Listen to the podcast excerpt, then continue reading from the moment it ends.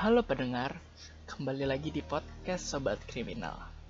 Semoga kita selalu diberikan kesehatan dan rezeki yang berlimpah.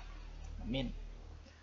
Juga tak lupa dengan moto kita, learn about crime, not be criminal. Belajar kejahatan, bukan jadi penjahat. Pada episode pertama ini, kita akan membahas fenomena cyberbullying menurut perspektif kriminologi. So, yuk masuk ke dalam diskusinya. Kali ini gue nggak sendiri nih. Gue ditemenin teman gue dari kriminologi juga yang biasa dipanggil Ayah. Halo, gue Halo. Aya dari kriminologi juga sama kayak Farhan. Eh, kali ini Farhan ngasih gue kesempatan untuk ikut sharing tentang pembahasan tentang cyberbullying ya kan Han? Bener banget, di kriminologi sendiri itu terutama dalam kajian cyberbullying masih akrab banget gitu loh kita. Apalagi di semester kemarin banyak yang berfokus tentang cybercrime. Ngomong-ngomong masalah cyberbullying, kriminologi juga menganggap sih kalau jenis kejahatan ini itu sebagai kejahatan yang serius dan bertambah panjang. Ya nggak ya? Han, tapi eh, Hmm. kebanyakan dari kita itu menganggap bahwa kalau dengar kalimat cyberbullying, ah paling cuma gitu-gitu doang kasusnya. Tapi ternyata nih Han, dampak dari cyberbullying itu luas banget, bahkan bisa mengganggu kesehatan mental si korban. Gue setuju sih. Gue juga berkonsepsi mengenai cyberbullying ini lebih kayak kepenghinaan atau kepenjelekan terhadap eh, seseorang maupun kelompok dalam media internet. Apalagi cyberbullying juga mengacu pada kadang sih ya ada yang mengacu pada body shaming juga gitu loh. Kalau menurut perspektif kriminologi itu gimana ya? Kalau menurut perspektif kriminal sesuai sama apa yang pernah gue pelajarin ya Han. Jadi Hmm. cyberbullying ini tuh dikategorikan juga sebagai tindakan bullying namun secara verbal karena si pelaku melakukan bullying secara tidak langsung gitu seperti mengejek, menghina, mencela, eh, gosip gitu kan terus menyebarkan rumor bahkan sampai mengancam dengan menggunakan media elektronik. Cukup menakutkan juga sih kalau include termasuk tindak pengancaman dalam cyberbullying. Kalau begitu, cyberbullying ini kan muncul nggak semata-mata muncul tiba-tiba gitu loh tanpa suatu trigger. Maksudnya trigger yang gue maksud ini adalah pemicu munculnya cyberbullying. Kalau menurut lu nih ya, gimana sih proses terjadinya cyberbullying ini dan bagaimana kita tahu kalau itu tuh adalah sebuah tindak cyberbullying? Eh, biasanya itu kita bisa eh, mengidentifikasinya dari pihak pelaku ya. Jadi biasanya ada Hmm. faktor-faktor yang emang menyebabkan terjadinya tindak eh, pidana cyberbullying gitu kan. Yang Hmm. pertama, eh, menurut yang gue baca ya Han, cyberbullying itu sering banget terjadi kan di anak-anak yang umurnya tuh kisaran masih remaja lah gitu. Jadi bisa Hmm. jadi nih ya, pola yang terbentuk itu karena mereka juga eh, sedang mencari jati diri gitu kan, Hmm. mencari eh, mencari suatu identitas kedewasaan. Hmm. Berarti istilahnya kayak gini ya, eh, ada kemungkinan juga nih contoh misalnya si anak atau remaja ini gitu kan dari apa yang ayah tadi bilang ber- berarti sekedar kayak ikut-ikutan tren gitu bisa masuk ke dalam cyberbullying itu juga nggak? Misalnya kayak ikutan tren saya ngebully nih kayaknya seru gitu gara-gara emang pencarian jati diri atau emang cari famous jadi dia melakukan tindakan cyberbullying Hmm, bener banget Han. Contohnya gini, kemarin itu ada kasus yang lagi rame tentang prank Hmm. sampah. Lo pasti tahu kan? oh ya Nah, Paleka ya Ya, ya Ferdian Paleka. Nah, gue juga eh, tidak membenarkan perilaku si Ferdian ini gitu kan, karena memang perilakunya menyimpang. Tapi ketika eh, kasusnya itu sudah rame di sosial media, khususnya di Twitter, eh, orang-orang tuh kayak seakan-akan menyerang secara terus-menerus dan menurut gue nggak wajar gitu. Mereka eh, menjadikan kasusnya si Ferdian ini bahan lelucon gitu kan sampai di Twitter itu trending tentang Ferdian gitu kan. Hmm. Jadinya sebenarnya eh, orang-orang yang nge-tweet tentang si Ferdian ini secara nggak langsung mereka juga jadi pelaku cyberbullying kan. Apalagi kalau kita berbicara tentang cyberbullying, itu luas dan pelakunya itu bukan perorangan. Jadi ini tuh permasalahan baru dalam penegakan hukumnya. Iya benar.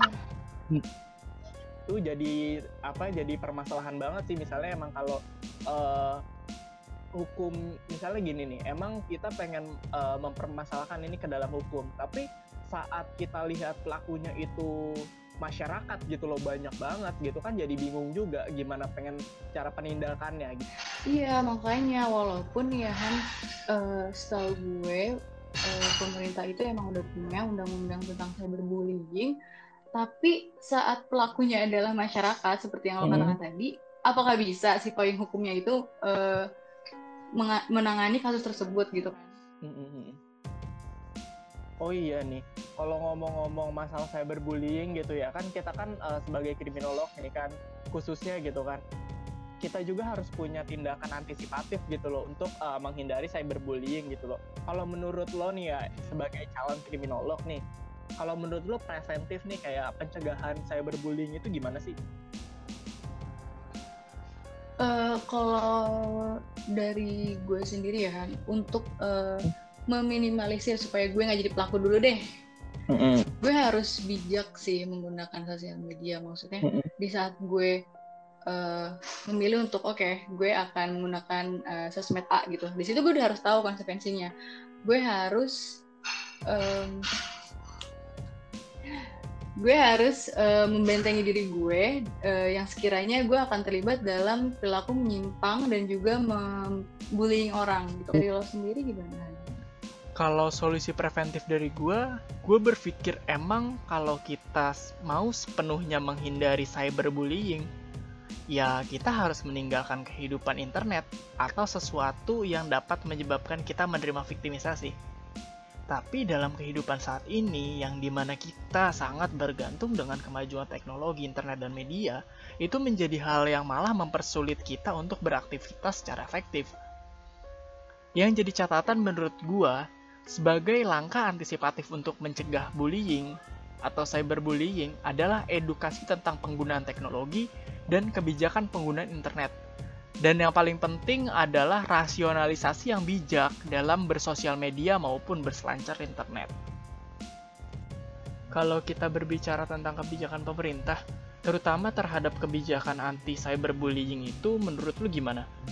Kalau menurut gua, di media massa terutama TV, koran maupun media online, khususnya pemberitaan maupun promosi edukatif tentang preventif cyberbullying itu jarang banget gue temuin gitu loh. Kalau menurut lu gimana? Uh, gue setuju juga sih sama Lohan. Karena fenomena cyberbullying ini sama kayak fenomena gunung es ya. Jadi kelihatannya cuma segitu aja. Padahal dampaknya luas banget dan menurut gue pihak-pihak yang uh, bisa terlibat gitu untuk melakukan uh, demo lah istilahnya demo hmm. untuk memperkenalkan anti anti cyberbullying gitu sama sekali nggak ada dong gue nggak pernah lihat hmm. di sosial media apalagi di Twitter ya karena Twitter hmm. kan memang wadahnya untuk orang-orang bisa menuangkan aspirasi lewat tulisan gitu kan di Twitter kan nggak ada hmm. uh, jargon untuk anti cyberbullying gitu itu nggak ada. Makanya sebenarnya uh, kita gitu kan sebagai generasi muda milenial gitu kan apalagi kita ada di jurusan yang memang menangani kriminalitas harusnya kita punya sebaru sih Han tentang gimana sih caranya supaya orang-orang itu bisa menerima menerima bahwa memang cyberbullying itu salah. Karena selama ini uh, yang gue lihat gitu ya kalau ada SJW gitu kan sebutannya mereka itu menuliskan tentang uh, anti cyberbullying gitu itu yang ada hmm. mereka tuh dibully juga kan gitu gimana ya hmm. jadi gimana ya uh, masyarakatnya sendiri itu malah melanggengkan si cyberbullying itunya sendiri gitu ya, ya. jadi nggak ribet gitu. Tapi kalau menurut gue nih kalau buat masalah cyberbullying sebenarnya sih dari platformnya sendiri gitu ya kayak platform media sosialnya sendiri itu udah punya preventif-preventif tertentu gitu. Contoh kayak Twitter kita bisa ada ada ada fitur block sama fitur mute juga kan yang bisa kita gunakan buat uh, nge apa namanya nge-hide atau ngeblok orang yang nggak kita suka atau kayak gimana. Tapi tergantung ke orangnya lagi sih. Kadang orang menggunakan sosial media itu nggak tahu. Lu tuh kan kayak uh, baca ini baca uh, dan ketentuan aja langsung I accept dan langsung oke. Okay. nah kita nggak baca itu gitu kan ya. Padahal di situ udah dijelasin kalau kemungkinan lo menggunakan ini akan terkena ini atau kayak gimana gitu kan ya. Tapi emang mungkin emang kitanya malas membaca gitu kan ya. Jadi ya jangan salahkan ininya juga. Maksudnya jangan salahkan lu menggunakan ini dan lu menjadi korban. Menurut gue sih gitu. Kalau menurut lu gimana? ya tapi kalau ngomong masalah kalau masalah pemerintah nih kayaknya pemerintah juga mengembalikan kepada platformnya lagi sih ya nggak sih? Iya makanya sebenarnya kita juga nggak bisa terus-terusan uh, terpaku sama satu kebijakan aja ya. Maksudnya kebijakan yang dikeluarkan sama pemerintah. Sedangkan uh, masyarakat ini kadang nggak nggak begitu aja nerima uh, kebijakan yang dibuat sama pemerintah ya kan makanya balik hmm, lagi bener. ke platformnya masing-masing bahkan percuma juga sih kan kadang platformnya udah bikin fitur-fitur yang menarik gitu ya tapi penggunanya sebenarnya balik lagi ke penggunanya gimana caranya hmm. kita mengedukasi pengguna sosial media supaya mereka itu lebih bijak dalam menggunakan sosmed. Ini sih kalau buat permasalahan yang cukup bikin gue geram gitu ya kadang sebenarnya emang kalau kita lihat gitu ya perkembangan media sosial di Indonesia kan emang bener-bener lagi hype-hype-nya banget nih dipakai buat uh, apa namanya kepentingan saat kita pandemi juga nih. Misalnya emang uh, saat kuliah online atau emang lagi belajar di rumah. Itu kalau menurut gue sih memungkinkan uh, tingkat cyberbullying gitu ya tanpa pengawasan yang cukup membuat cyberbullying itu tak terus meningkat sih. Apalagi kan kalau emang di rumah tanpa pengawasan gitu loh. Kan kayak anak dan remaja itu kan belum tahu nih apa namanya kode etik gitu kan ya istilahnya kayak kode etik lo menggunakan sosmed atau kayak gimana. Itu kalau menurut gue jadi permasalahan juga sih ya. Kalau menurut lo gimana ya?